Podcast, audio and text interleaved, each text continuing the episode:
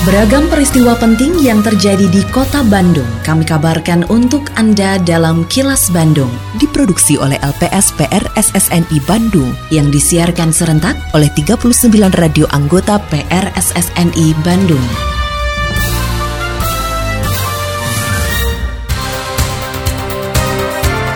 Sejumlah informasi aktual kami hadirkan untuk Anda dan inilah informasi utamanya. Kisruh makin memanas, Komisi B DPRD Kota Bandung kunjungi Bandung Zoo. Persoalan stunting menjadi tanggung jawab bersama. DSA Jabar siap antisipasi dampak kekeringan akibat El Nino. Saya, Santika Sari Sumantri, inilah kilas Bandung selengkapnya.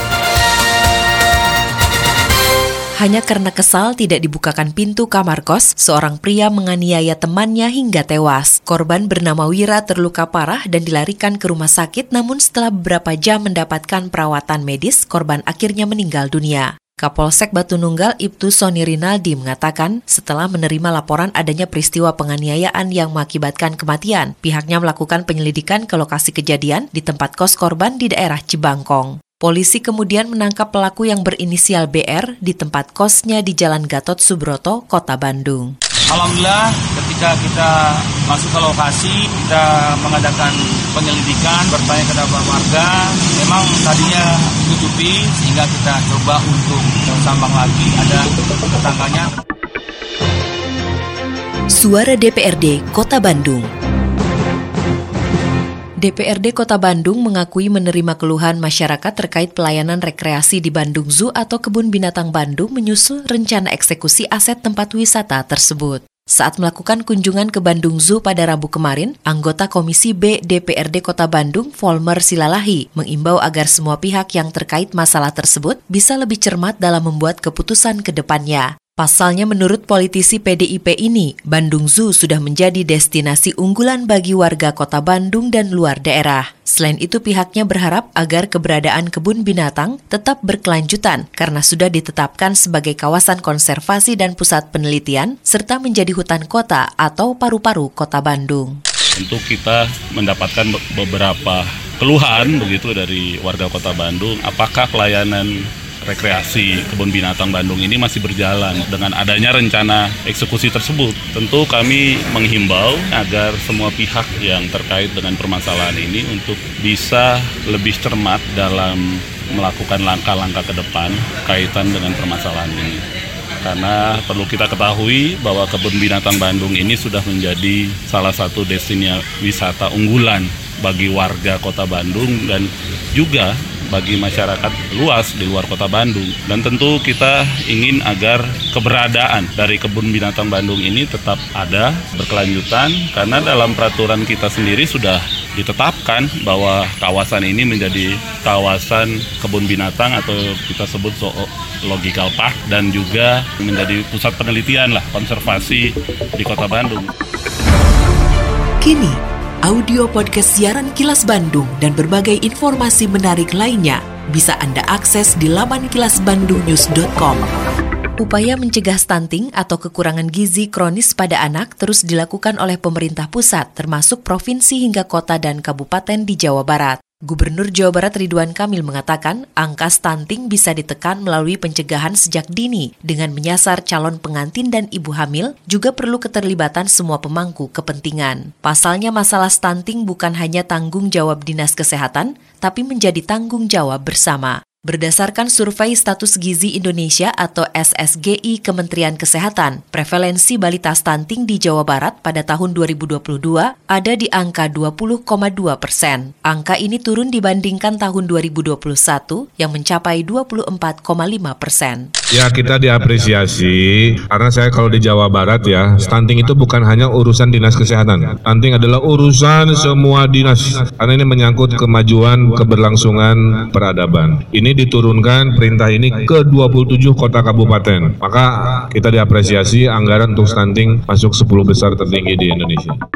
Dinas Sumber Daya Air Provinsi Jawa Barat siap mengantisipasi dampak kekeringan yang terjadi akibat fenomena El Nino. Kepala Dinas Sumber Daya Air Provinsi Jawa Barat Diki Ahmad Sidik mengatakan, hingga saat ini dari tiga bendungan utama di Jawa Barat, yaitu Saguling, Cirata, dan Jatiluhur, debit airnya masih dalam kondisi aman. Menurut Diki, jika terjadi kekeringan hingga dikhawatirkan terjadinya gagal panen atau poso, pihaknya akan melakukan berbagai strategi, antara lain pengaturan pengairan termasuk pemompaan. Upaya ini dilakukan untuk tetap menjaga tingkat produktivitas padi di Jawa Barat, terutama saat menjelang musim tanam. Nah, manakala misalkan nanti pada saat musim tanam ketiga, misalkan kemudian terjadi airnya drop terlalu banyak, mungkin itu akan dilakukan pengaturan kembali berkaitan dengan pembagian debit-debit air e, untuk sawah-sawah. Yang penting bahwa biasanya kita melakukan pembagian itu menjadi digilir dan kemudian untuk tetap mempertahankan produksivitas padinya. Jadi tetap targetnya aja jangan sampai itu menjadi pusok.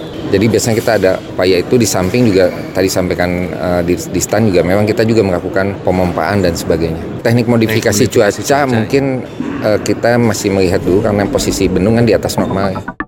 Badan Perencanaan Pembangunan Daerah Provinsi Jawa Barat atau Bapeda Jabar telah menyiapkan strategi khusus untuk mewujudkan Indonesia Emas di 2045 sebagai negara maju. Kepala Bapeda Jabar, Yendra Sofyan, mengaku pihaknya ditargetkan harus menyelesaikan rancangan pembangunan Jawa Barat untuk jangka waktu 20 tahun ke depan, hanya dalam kurun waktu satu tahun. Meski diakui tidak mudah, Yendra optimistis mampu merealisasikan dengan strategi melibatkan seluruh unsur masyarakat melalui program West Java Development Forum. Pada program ini, masyarakat dari berbagai disiplin ilmu akan terlibat diskusi mengenai pembangunan terukur di Jawa Barat yang nantinya tertuang dalam Rencana Pembangunan Jangka Panjang atau RPJP saya harus menyusun 20 tahun ke depan 2045 seiring dengan Indonesia emas dalam waktu satu tahun ke depan. Itu yang tantangan berat buat kita begitu. Ini yang akan kita coba bahas. Saya punya agenda yang namanya West Java Development Forum yaitu akan ada serangkaian diskusi karena RPJP ini milik masyarakat Jawa Barat sehingga harus ada masukan-masukan polanya tidak hanya menarik lewat sosial media segala macam, tapi saya akan mengundang dari bermacam sektor, ekonomi, infrastruktur segala macamnya. Kasarnya dari mulai tukang beca sampai inohong, akademisi itu harus memberikan masukan, diberi kesempatan untuk diskusi. Nah itu yang 20 tahun ke depan 2045 emas yang harus kita siapkan. Kementerian Pendayagunaan Aparatur dan Reformasi Birokrasi atau PAN-RB memastikan tidak ada pemutusan hubungan kerja atau PHK saat tengah penghapusan tenaga honorer pada November 2023 mendatang. Menteri PAN-RB Abdullah Azwar Anas menegaskan, Presiden telah memerintahkan agar pihaknya mencari solusi jalan tengah sehingga tidak ada PHK dan tidak ada pengurangan pendapatan tenaga honorer. Menurut Abdullah, dengan sejumlah asosiasi, saat ini pihaknya sedang merumuskan solusi terbaik terkait permasalahan tenaga honorer tersebut. Kalau PP 49 dan undang-undangnya jelas 2018, diberi waktu lima tahun tidak boleh lagi ada non-ASN. Tapi nyatanya 2018 yang mestinya tinggal 400 ribu, setelah kita data bukan tinggal 100 ribu. Tapi ternyata jadi 2,4 juta, termasuk di Jawa Barat jumlahnya kurang lebih 30 ribu. Nah, 28 November ini adalah titik akhir tidak boleh lagi ada non ASN. Tetapi Bapak Presiden telah memerintahkan ke kami agar Menpan RB mencari solusi jalan tengah, tidak ada PHK massal dan tidak ada pengurangan pendapatan dari yang sekarang, maka kita sedang rumuskan solusinya supaya ini bisa tetap berjalan. Halo pengguna jalan yang dermawan. Tidak memberi di jalan bukan berarti kita tidak peduli loh. Pilihan tempat donasi yang tidak tepat akan memiliki konsekuensi serta dampak negatif bagi anak jalanan, pengemis, gelandangan, pengamen, dan sejenisnya Salurkan donasi dan kepedulian kita untuk memotivasi agar mereka tidak berada di jalanan Nasib dan masa depan mereka terdampak dari cara dan pilihan para dermawan dalam memilih tempat, ruang, dan waktu di saat memberikan donasi. Hati-hati di jalan ya. Semoga niat baik kita semua disertai tanggung jawab moral dan memiliki kebermanfaatan. Pesan ini dipersembahkan oleh Dinas Sosial Kota Bandung. Lindungi diri dari COVID-19 untuk mencegah penularan virus corona. Tetap patuhi protokol kesehatan saat beraktivitas dan berinteraksi, karena pandemi belum berakhir. Meski Organisasi Kesehatan Dunia WHO sudah mencabut status kedaruratan COVID-19. Terima kasih Anda telah menyimak kilas Bandung yang diproduksi oleh LPSPR SSNI Bandung.